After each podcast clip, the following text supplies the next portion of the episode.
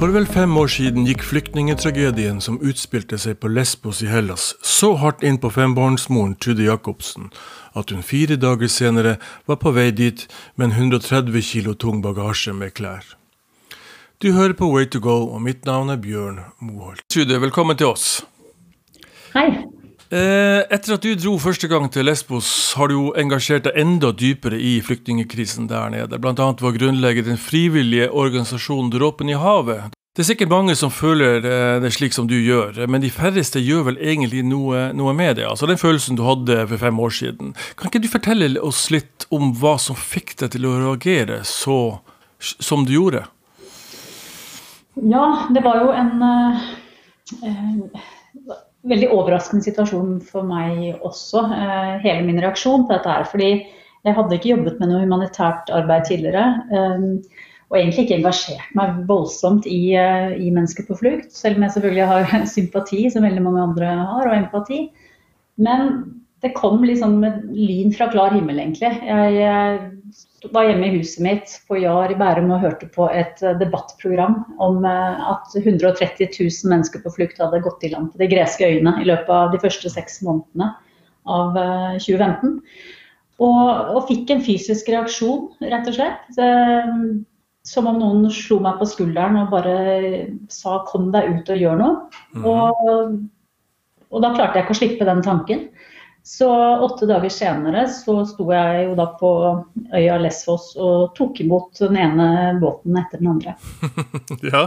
Eh, eh, hvordan går man fra å være tilskuer til å bli involvert, som så det her du, du gjorde? Du bare hoppa, hoppa i, i, klærne og dro av gårde? Ja, jeg, jeg gjorde jo for så vidt det. Um, og da, det var på en måte, Jeg følte litt at det var noe jeg ikke helt klarte å styre selv. for jeg hadde, det var på en måte som å ha fått et slags eh, kall, at jeg måtte. Og, og da ble det på en måte veldig viktig oppgave for meg. Og i første omgang så handlet det for meg om å komme ned og, og se hvem disse menneskene da som kom i land, hvem er de egentlig? Eh, fordi I Norge så fikk vi tegnet et veldig sånn bilde at det var lykkejegere på vei til Europa for å ta jobbene våre og sånne ting. Mm. Eh, men så var jeg også veldig nysgjerrig på greske lokalsamfunnet, øysamfunnet, hvordan de klarer å håndtere eh, en så stor strøm av mennesker som kommer inn. Mens vi samtidig i Norge da diskuterte om vi kunne klare å bistå og hjelpe 8000 i løpet av neste treårsperiode. Mm. Så det var liksom en blanding av det ønsket om å ville gjøre noe konkret, men også lære litt mer om hele situasjonen. Uh, og så må jeg også legge til det at Hellas er jo på en måte mitt annet hjemland. Jeg har bodd der i åtte år, og mine tre eldste barn er halvt greske. Så jeg, eh, jeg, kan jo språket, og jeg leser jo um, nyheter derfra. Og det er klart det var også medvirkende på å ja, få meg til å ville reise ned dit og faktisk se hvordan, hvordan de håndterte det der. Ja, Fortell meg litt om det. Du har altså sjøl bodd i Hellas i åtte år, forstår jeg. og eh, Hva var den store attraksjonen for deg den gangen med Hellas? Nei, grunnen til at jeg eh, bosatte meg der, var jo fordi min, eh, min daværende mann uh, er gresk. Så det var liksom grunnen. Vi bodde i Norge først i noen år, og så flyttet vi til Hellas. Så det var grunnen til at jeg bosatte meg i Hellas. Men jeg følte meg veldig fort hjemme der. Og eh, ja, jeg hadde jo fint sett for meg egentlig et liv i resten av livet mitt i Hellas. Eh, men så gikk det ikke sånn. Eh, så jeg kom jo tilbake til Norge etter åtte år. Men, eh, men, jeg er fortsatt veldig veldig glad i landet der og, og, familien min der nede, selvfølgelig. Og venner og sånne ting. Kan ikke du fortelle meg litt om hvor i Hellas, og hva det er med Hellas du syns er så eh, fenomenalt? Ja, det er, eh, det er, flere ting. Jeg liker veldig godt den eh, litt sånn mer impulsive levemåten. Eh, og det å møte folk ute. Treffes. Alt må ikke planlegges hele tiden. Tar ting litt mer på sparket. Det liker jeg veldig godt. Og så er det jo et utrolig gjestfritt folk. Det er jo Folk er varme og gode, og landet er jo nydelig. Det har så mange fine, det er så variert. Det er um, alt fra snødekte fjell hvor man kan gå på ski, til noen av de mm. flotteste strendene i verden. Så det er jo det er et land det er lett å bli glad i, syns jeg. Altså. Ja, altså det er jo, Du har vel sikkert halv million nordmenn som hvert år normalt sett reiser dit, som vil uh, underskrive på det, vil jeg tro. Um, Hvordan føler du at flyktningkrisen har påvirka Hellas og innbyggerne der? Altså, sånne tragedier har en lei tendens til å påvirke menneskene i landet der det skjer, og langt på vei polarisere dem. Eh, hva tenker du om det? Ja, det tror jeg nok er riktig. Og det har nok polarisert eh, den greske befolkningen. Og jeg opplever jo også at det har polarisert egentlig resten av Europa også. Og også her i Norge syns jeg det har blitt eh, større avstander.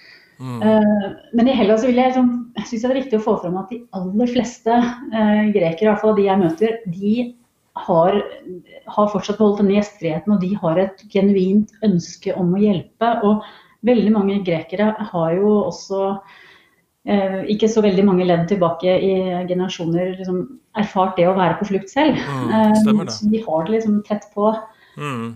Så, men så, så, er det jo også selvfølgelig det har vært en kjempepåkjenning for landet. Og det har jo også gått utover mange. Så jeg kan også forstå de som på en måte begynner å bli litt lei. For de opplever jo, mange opplever jo at de sitter med en veldig stor byrde som burde fordeles eh, mellom eh, alle europeiske land, og ikke bare være hos Hellas fordi de da har yttergrensene.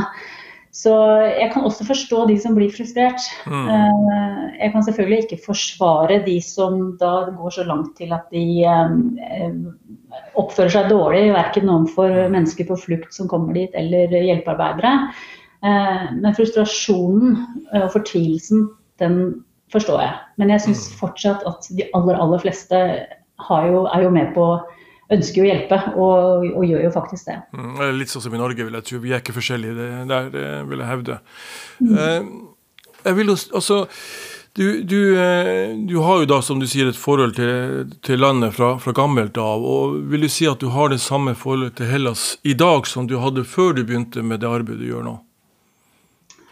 Ja, jeg, det vil jeg kanskje enda, enda tettere, på en måte. Fordi jeg har jo også opplevd og lært meg mye om landet som jeg ikke kjente til. Og, og, og det er jo, jeg må jo innrømme at det er jo, det er jo en del frustrasjon også jeg, med, det vi jobber med eh, i forhold til byråkrati. Og det er jo et krevende byråkrati å forholde seg til for å få de nødvendige godkjenninger og, og sånn for å kunne jobbe inn i flyktningleirene. Så akkurat den siden eh, Jeg kjente til det greske byråkratiet også, men, uh, men det har vært, nok vært enda mer utfordrende enn det jeg hadde sett for meg.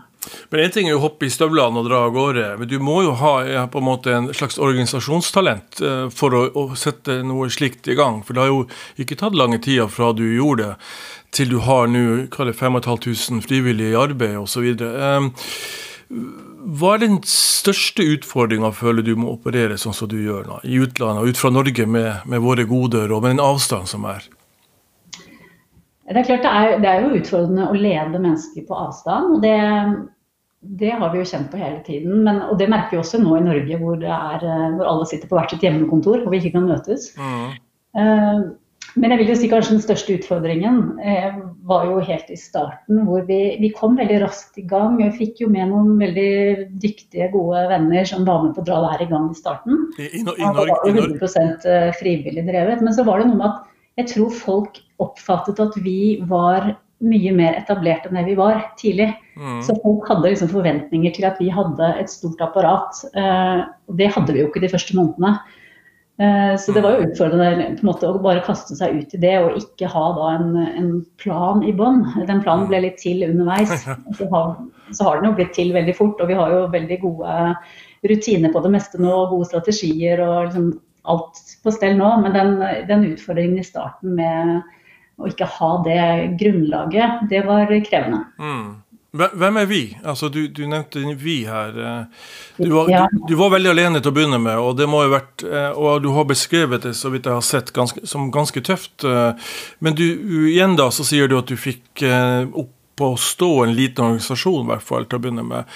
Hvem er det som var med deg fra starten? Ja, altså når jeg kom hjem, eller egentlig Mens jeg var på Lessos under den første, første oppholdet mitt, så ble jeg kontaktet av veldig mange mennesker som hadde lyst til å hjelpe til. Mm. Uh, og noen av disse var uh, da spesielt uh, fire, fire venninner som jeg ikke hadde hatt veldig mye kontakt med de siste årene, egentlig. Mm. Men som jeg kjente, tre av de kjente jeg da fra min tid i Hellas. Og de eh, tok jo kontakt med en gang og sa at vi kan hjelpe deg med å da, Og akkurat da så var det liksom det mest akutte var å håndtere denne Facebook-gruppen som jeg hadde etablert, som mm. vokste fra 100 til 11 000 i løpet av tre dager eh, medlemmer. Så, så, det å holde i sånne ting, så, så da var det altså disse fire venninnene som, eh, som, ble med helt fra starten. Og så kom det jo veldig fort til mange, mange flere og, som bisto frivillig. Eh, og noen av de er også med i dag. Mm. Det, vil du si at det er sånn norsk, typisk norsk overskuddsfenomen å kunne gjøre eh, slike ting? Jeg snakka med Bugge Wesseltoft i går. Han hadde en, en lignende reaksjon på det han eh, opplevde gjennom medier, da, eh, og, og, følte han måtte gjøre noe, noe med det. Um, når det skjer sånn som i ditt tilfelle, føler du at du hadde overskudd eh, både mentalt og økonomisk til å bare hoppe i det og gjøre, gjøre disse tingene? Altså, jeg tenker jo at det å kunne bidra, Hvis man kan bidra med noe frivillig over, over lang tid, så handler det om at man må ha et overskudd. og øh, og til viss grad så hadde jo jeg også det. Men eh, jeg var veldig heldig også å ha en arbeidsgiver. Jeg jobbet jo den gang i Telenor. Øh, som støttet meg veldig, og som med en gang var liksom med på å altså, gi meg permisjon med lønn. Med lønn. Også, sånn at jeg hadde muligheten til å gjøre dette her på fulltid. Fordi dette var så altoppslukende at det kunne ikke jeg holde på med ved siden av jobb. Eh, jeg har jo også fem barn, og yngstemann var på den tiden bare ja, under ett og et halvt år. Sånn at, eh, at det er klart det å, jobbe og, og, og, vie tiden sin 100% frivillig, er, da må man ha et, et overskudd av mm. ja, både økonomi og krefter, selvfølgelig. Du har på hjemmesidene deres beskrevet ditt første møte med hva du opplevde der nede. Kan du ta oss gjennom litt av det du opplevde da? Ja, eh, Hele, altså hele, forberedelsen til denne reisen gikk jo, det gikk jo veldig fort. Det var liksom åtte dager da fra jeg fikk dette, denne ideen til å reise ned, og til jeg faktisk var der nede. Og disse åtte dagene gikk, veldig, gikk jo selvfølgelig med til jobb og familie. og sånn, Men jeg brukte også en del tid på å samle inn ting jeg kunne ta med meg. Klær og sko og bæreceller og sånne ting. Um, og så rakk jeg ikke å gjøre veldig mye research uh, før jeg dro. og Jeg hadde fått noen kontakter som, jeg, som bodde i området, og, og reiste ned. Uh, og så husker jeg at jeg landet uh, rundt midnatt en lørdag kveld. Og klarte så vidt å putte alle disse 14 colliene som jeg hadde med, inn i en liten leiebil. Og så begynner jeg liksom å kjøre alene nordover på øya. Og selv om jeg kjenner Hellas godt, så kjente jeg ikke øya Lessos. Jeg hadde aldri vært der før. Og så husker jeg sånn spesielt når jeg kom over eh, den siste liksom fjelltoppen og begynte å kjøre ned mot kysten på nordsiden, hvordan jeg da begynte å møte folk som gikk langs, eh, langs veien. Det var tusenvis av mennesker som gikk og bar eh, sine skadete venner eller sine gamle foreldre eller sine små barn. Det var så mange som lå og sov langs veikanten i mørket. Og da begynte det på en måte å gå opp for meg at, eh, at eh, jeg sto midt i eh, den største menneskevandringen i Europa siden andre verdenskrig. Og da begynte jeg vel også å få litt sånn frykt, eller tenke er dette voldsomt naivt av meg å reise hit og tro at jeg kan ja, gjøre noe som helst. Det tror jeg gjelder de fleste i en sånn situasjon. Så. Men du kom deg over den, skjønner jeg? Ja, og så kom jeg fram, fram, og det var natt, og jeg sov, fikk noen timers uh, søvn. Og, og, neste morgen så, så, var det egentlig bare å kjøre ut, fylle opp bilen da, med, med, vannflasker og det, noe av det jeg hadde hatt med av klær og utstyr. Og kjøre langs kysten. Jeg møtte som sagt eh, noen mennesker som jeg hadde fått kontakt med som bor der uh, fast, og de var veldig engasjert. Så de kunne liksom fortelle meg litt hvor er det båtene kommer inn. og og hva, hva, er det man kan egentlig gjøre? Det var veldig begrenset hva man kunne gjøre. Det var ingen hjelpeorganisasjoner til stede i det hele tatt. Så det det liksom besto i da, var jo å hjelpe menneskene i land. Dele ut eh, vann til de som var tørste. Eh, bleier til de som hadde små barn. De hadde kanskje ikke byttet bleie på et par døgn. De hadde ligget i skjul da, på tyrkisk side eh, og ventet på at de kunne bli med en båt over. Mm. Eh, og så var det det å forklare på en måte hvilken retning de da måtte gå videre for å komme seg eh, inn til eh, hovedstaden på øya, der de kunne registrere seg. Mm.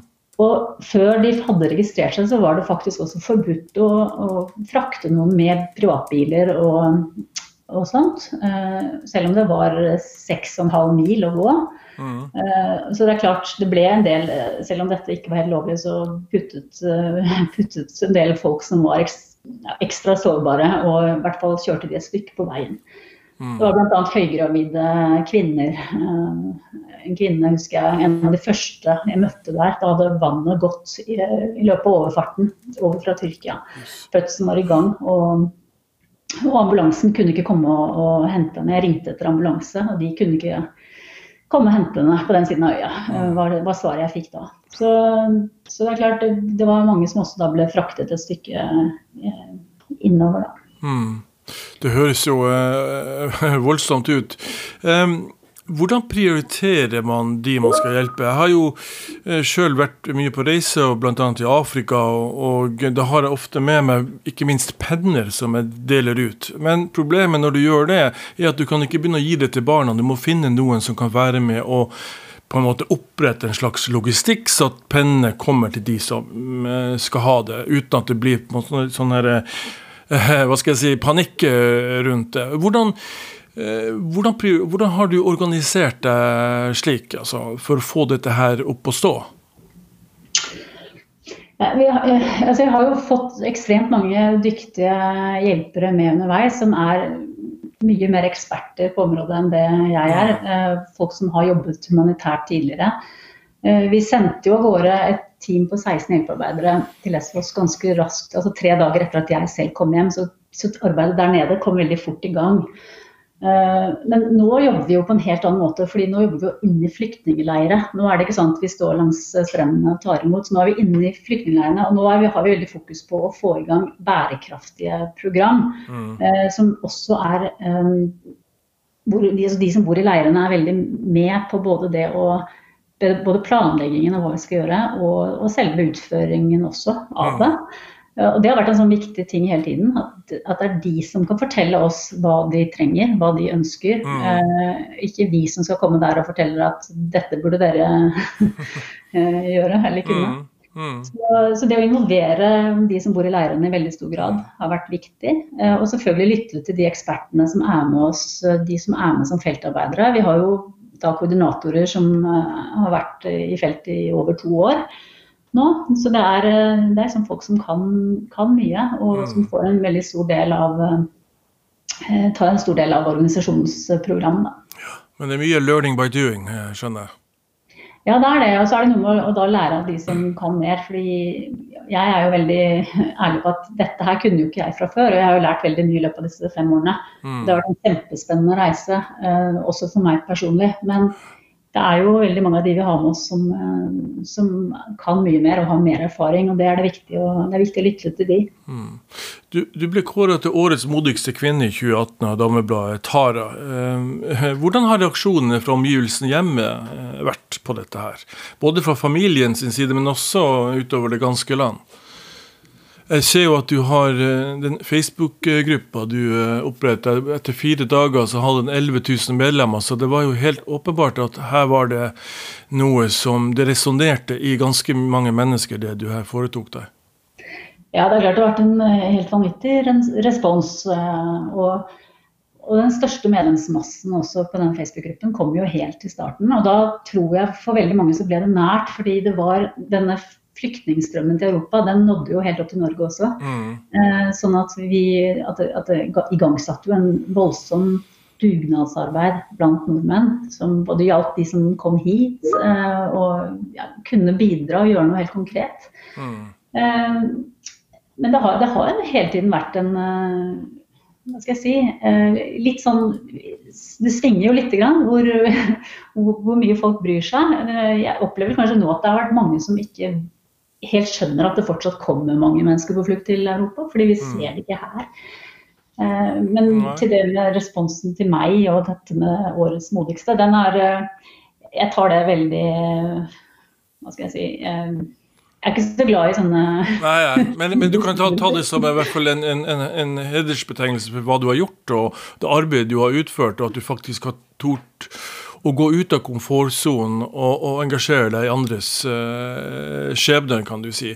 Uh, ja, og det er kjempehyggelig å få en sånn mm. anerkjennelse. Det er selvfølgelig, Jeg er fryktelig glad, glad, for det, men samtidig så møter jeg jo da Jeg har jo vært jeg reiser jo flere ganger i året nedover og ser arbeidet vårt og møter de som bor i leirene og de som jobber med de som bor i leirene. Og jeg, jeg møter jo så utrolig mange modige mennesker hele tiden. Så, mm.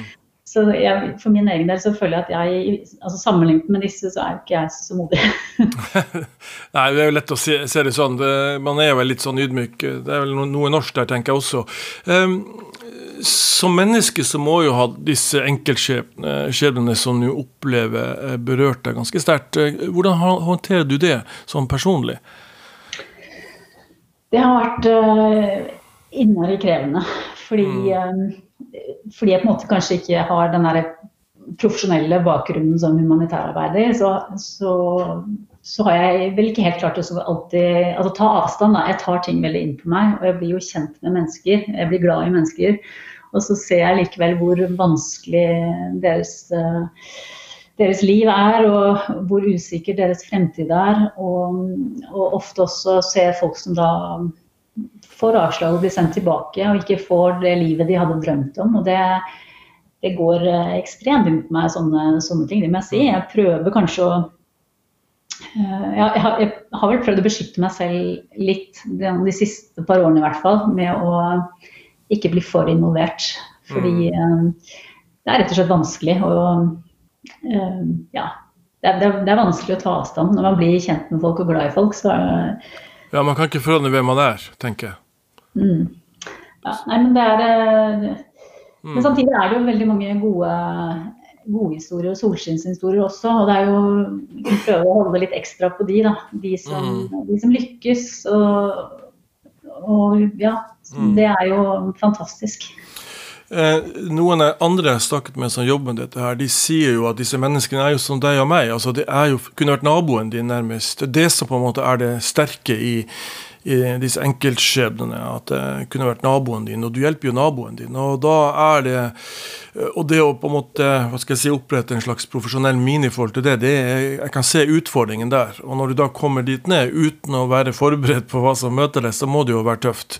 Um, hvor kommer dette engasjementet du, du, du hadde for dette? Er det noe du har hatt i deg, føler du, eller var det noe som oppsto der og da? Jeg opplever jo at det kom veldig, veldig, plutselig og veldig overraskende for meg selv også, egentlig. Jeg har jo jeg har forstått alltid vært en eh, empatisk person og brydd meg om andre, men, eh, men eh, jeg ble nok som sagt også overrasket selv over det voldsomme engasjementet mm. når det kom. Du har, du har fem barn, har jeg skjønt, stemmer ikke det? Ja. Eh, altså, og så begynner du å ta deg av andre barn i tillegg til det, for her er jo mye barn inne, inn i bildet. Uh, hvordan har det uh, blitt innad i familien? Hvordan har de reagert på ditt engasjement her? Nei, jeg hadde, veldig, jeg hadde et veldig tidlig møte med Olaf Thommessen, for han var i det første styret vårt. Og han er jo selv sønn av en kvinne som eh, hadde et voldsomt engasjement og mm. grunnla NOAS i den, sin tid. og eh, Han fortalte meg bare det, han, han ga meg liksom ett råd helt i starten. og det er sånn, Bare husk på det at ikke barna dine føler at de må sette seg i en gummibåt i Middelhavet. så det, det, det har liksom, ja, hengt med meg hele tiden. Uh, så det er veldig viktig for meg å liksom, hele tiden uh, huske at selv om de problemene jeg opplever om, om treffer på i jobben mm. eh, blant de menneskene som bor i flyktningleirer og, og, sånne ting, og de barna som er der, så er jo de barna mine hjemme har jo sine problemer som er eh, store i deres verden. Og det er viktig mm. for meg at de eh, også blir sett.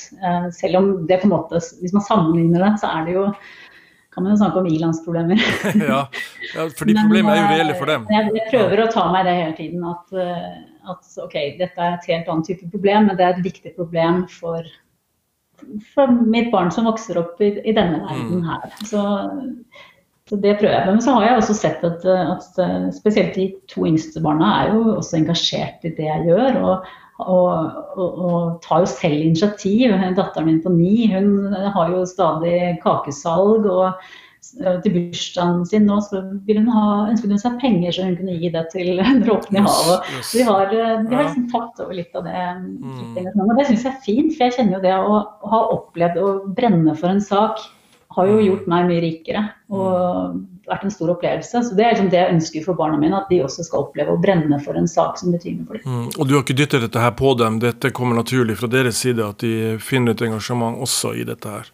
Ja, det har kommet uh, veld, veldig mm. naturlig, og de, de, stiller jo spørsmål, og, og jeg svarer uh, Uh, og, og, Datteren min har også vært med meg faktisk til Hellas. og vært med i en, Den gangen det var uoffisielle flyktningleirer, så var hun med meg på et mm. besøk der. Og gikk jo straks i gang med å leke med de barna som bodde der. og ja, for, det, for det, er jo barn som Ja, for at barn er jo barn, ikke sant. Og de, de, de, de, ser et barn, de ser ikke en flyktning. Uh, og, og ja, finner de en lekekamerat, det er jo så fantastisk å, å se, i min erfaring.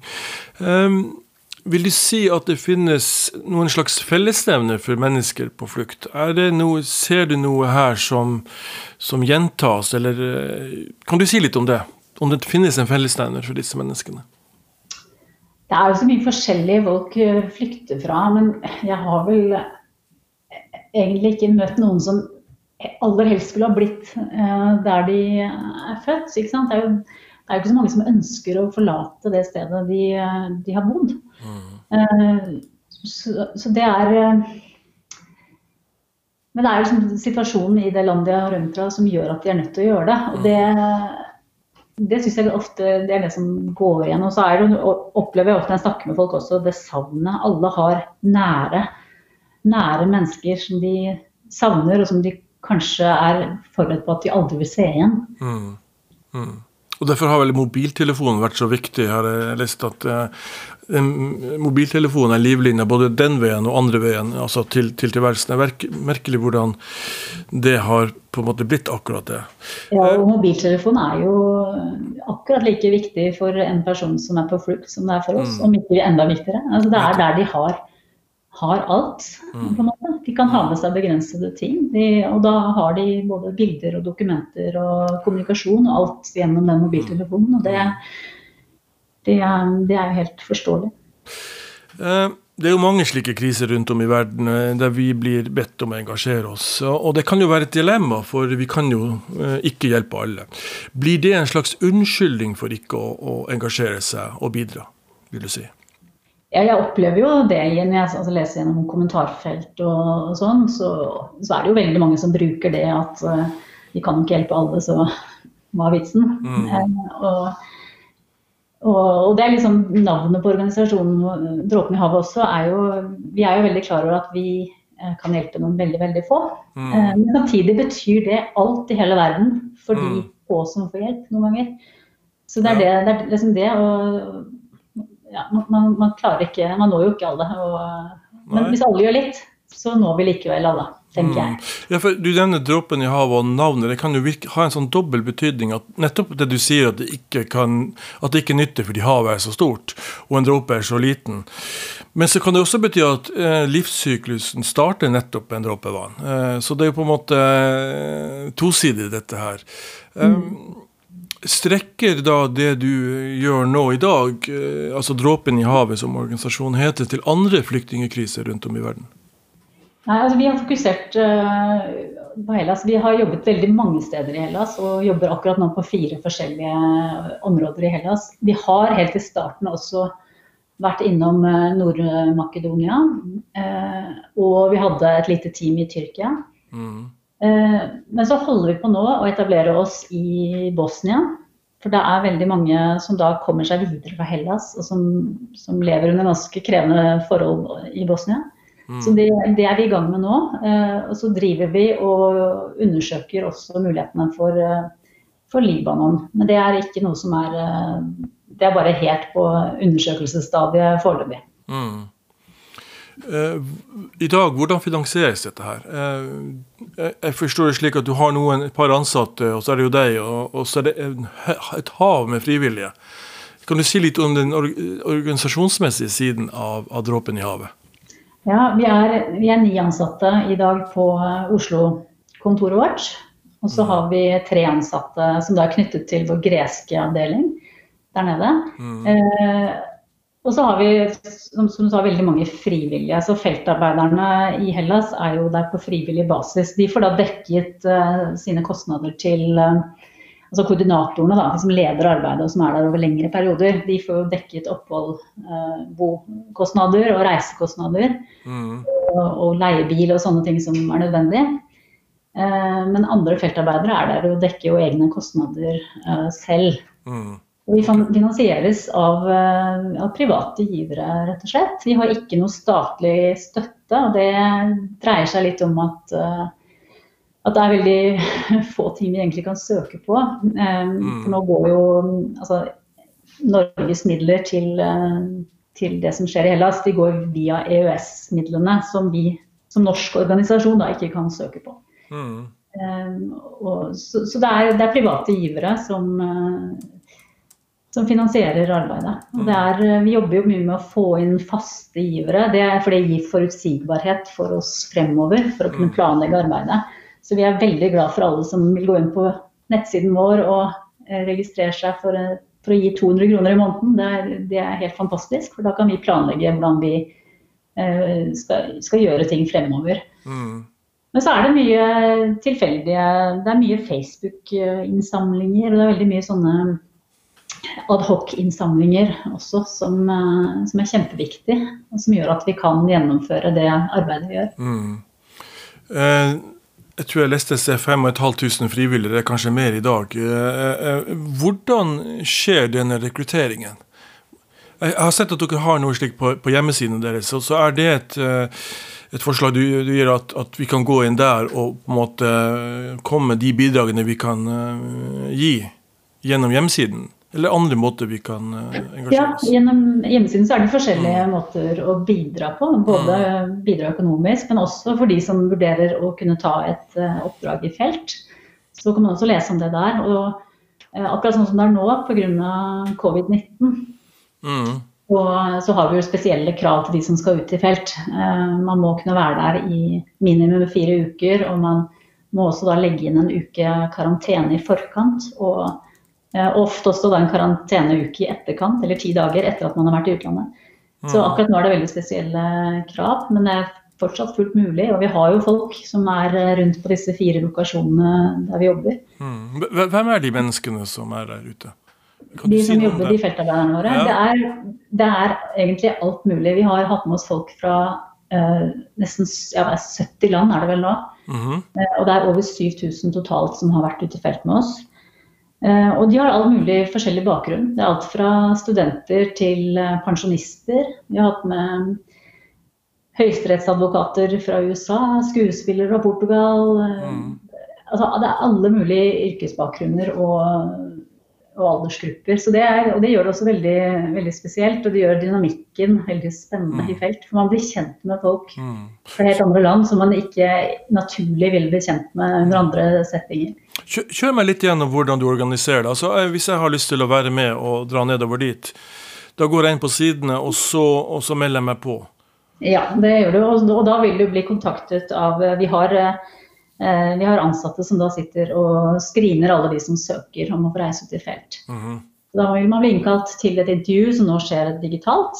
Um, man må gjennom en søknadsprosess. Vi trenger en god del dokumentasjon, bl.a. Uh, politi, uh, altså sånn politirapport. Mm. Uh, og, og, gå gjennom alle disse dokumentene. Så må vi få registrert vedkommende også hos greske myndigheter før de reiser ut. Mm. Er... Eh, når de da på en måte er klarert, eh, så, så kan de da bestille reise og, mm. og, dra ned i den avtalte perioden som de skal være der. Hvor lang er den prosessen? En, vi har også en, en eh, online trening, et treningsopplegg mm. digitalt som folk gjennomfører før de kan ut i felt. Og så vil de selvfølgelig få veldig mye informasjon om den lokasjonen de skal til, og hvilke program Dråpen i havet har der. Eh, men så vil de også få, få, opplæring på stedet når de kommer ned mm. av koordinatorene våre. Så hvis jeg ikke har noen skjeletter i skapet og melder meg på, jeg går gjennom prosessen, fra jeg melder meg på og til jeg står nede i Hellas, hvor lang tid tar det normalt?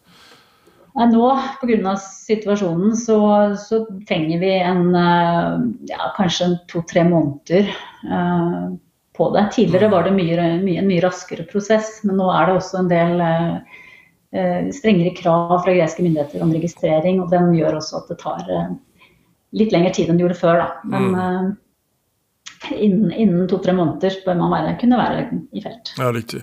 Nå er det like før jul, og, og, og eh, med covid eller korona og alt dette her i, i miksen, så, så, er det jo mye rart på gang. Og jeg lurte litt på hvordan er situasjonen der nede per i dag, sånn nå før jul? Ja, det er eh, det har jo vært en ganske kraftig økning i tilfeller, covid-tilfeller i Hellas generelt. Og de aller fleste flyktningleirene har jo også vært eh, berørt. Um, det er eh, lockdown eh, i flere steder i landet. Det er altså sånn at du ikke har lov til å forlate bostedet mellom klokka ni om kvelden og fem om morgenen, er det vel. Mm. Restauranter og sånne ting er jo stengt. Eh, de som bor i leirene, de har, der er det begrensninger. De får lov å forlate leiren, men det er begrenset på hvor mange mennesker som får lov til å forlate leiren samtidig. Så der er det strengt kontrollert, eh, sånn at den bevegelsen eh, inn og ut fra leir blir begrenset. Så det er klart det er kjempekrevende. og vi vet også at det er en stor frykt blant de som bor i leirene for at det skal komme et kjempestort utbrudd. Mm. Det som på en måte er positivt, er jo, hvis man kan si det sånn, er jo at, at det er en ganske ung befolkning. Uh, av, altså De som bor i leirene, er, har en ganske lav gjennomsnittsalder. Mm.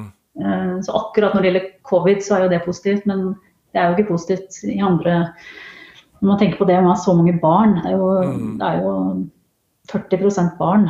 Og det er fryktelig. Sånn at det er klart, eh, Å vokse opp der er jo ikke, det er jo ikke noe oppvekst. Det er jo ikke et liv for, mm. for et barn å bo sånn. Men akkurat når det gjelder smitte, i hvert fall, da, så er det jo ikke så mange eldre mennesker, i hvert fall. Mm. Eh, men det er jo mange som har med seg sykdommer også, så det er jo mange som kan bli alvorlig syke hvis det blir et stort utbrudd. Mm. Er det flere som kommer inn nå? Det kommer eh, stadig, men det, har avtatt uh, ganske mye siden, siden februar. Mm. Det skyldes nok flere ting. Det skyldes nok altså Covid-19 er kanskje en av grunnene, men det skyldes nok også mye strengere vakthold uh, ute på sjøen. Mm. Uh, av bl.a. tyrkisk og gresk uh, kystvakt og Frontex. Så det er en uh, grensekontroll som er mye, mye, mye strengere. Mm. Vi skal avslutte nå. Jeg bare lurte litt på da til slutt. Ditt håp for fremtiden.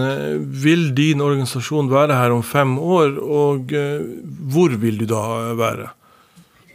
Mitt håp for fremtiden er at, at, jeg ikke skal egentlig behøve å gjøre dette jobb, denne jobben. At ingen eh, skal behøve å bo i flyktningleir, og at ingen mennesker skal behøve å flykte i det hele tatt. Mm. Det er liksom mitt største håp. Men realistisk så, så, så er det nok ikke så ser jeg det ikke sånn. Men jeg tror nok at vår organisasjon, jeg tror Dråpen i havet er her også om fem år. Jeg tror vi jobber eh, enda flere steder mm. i verden. Eh, og at vi fortsette å kunne bidra eh, på flere områder. Mm. La oss håpe det at dere er der. Eh, for eh, du, jeg tror du har helt rett. Denne flyktningstrømmen vil fortsette, om ikke til Hellas, så i andre, andre veier. Trude Jacobsen, tusen takk for at du stilte til denne praten. Og ikke minst tusen takk for alt det arbeidet du gjør der nede. Takk skal du ha.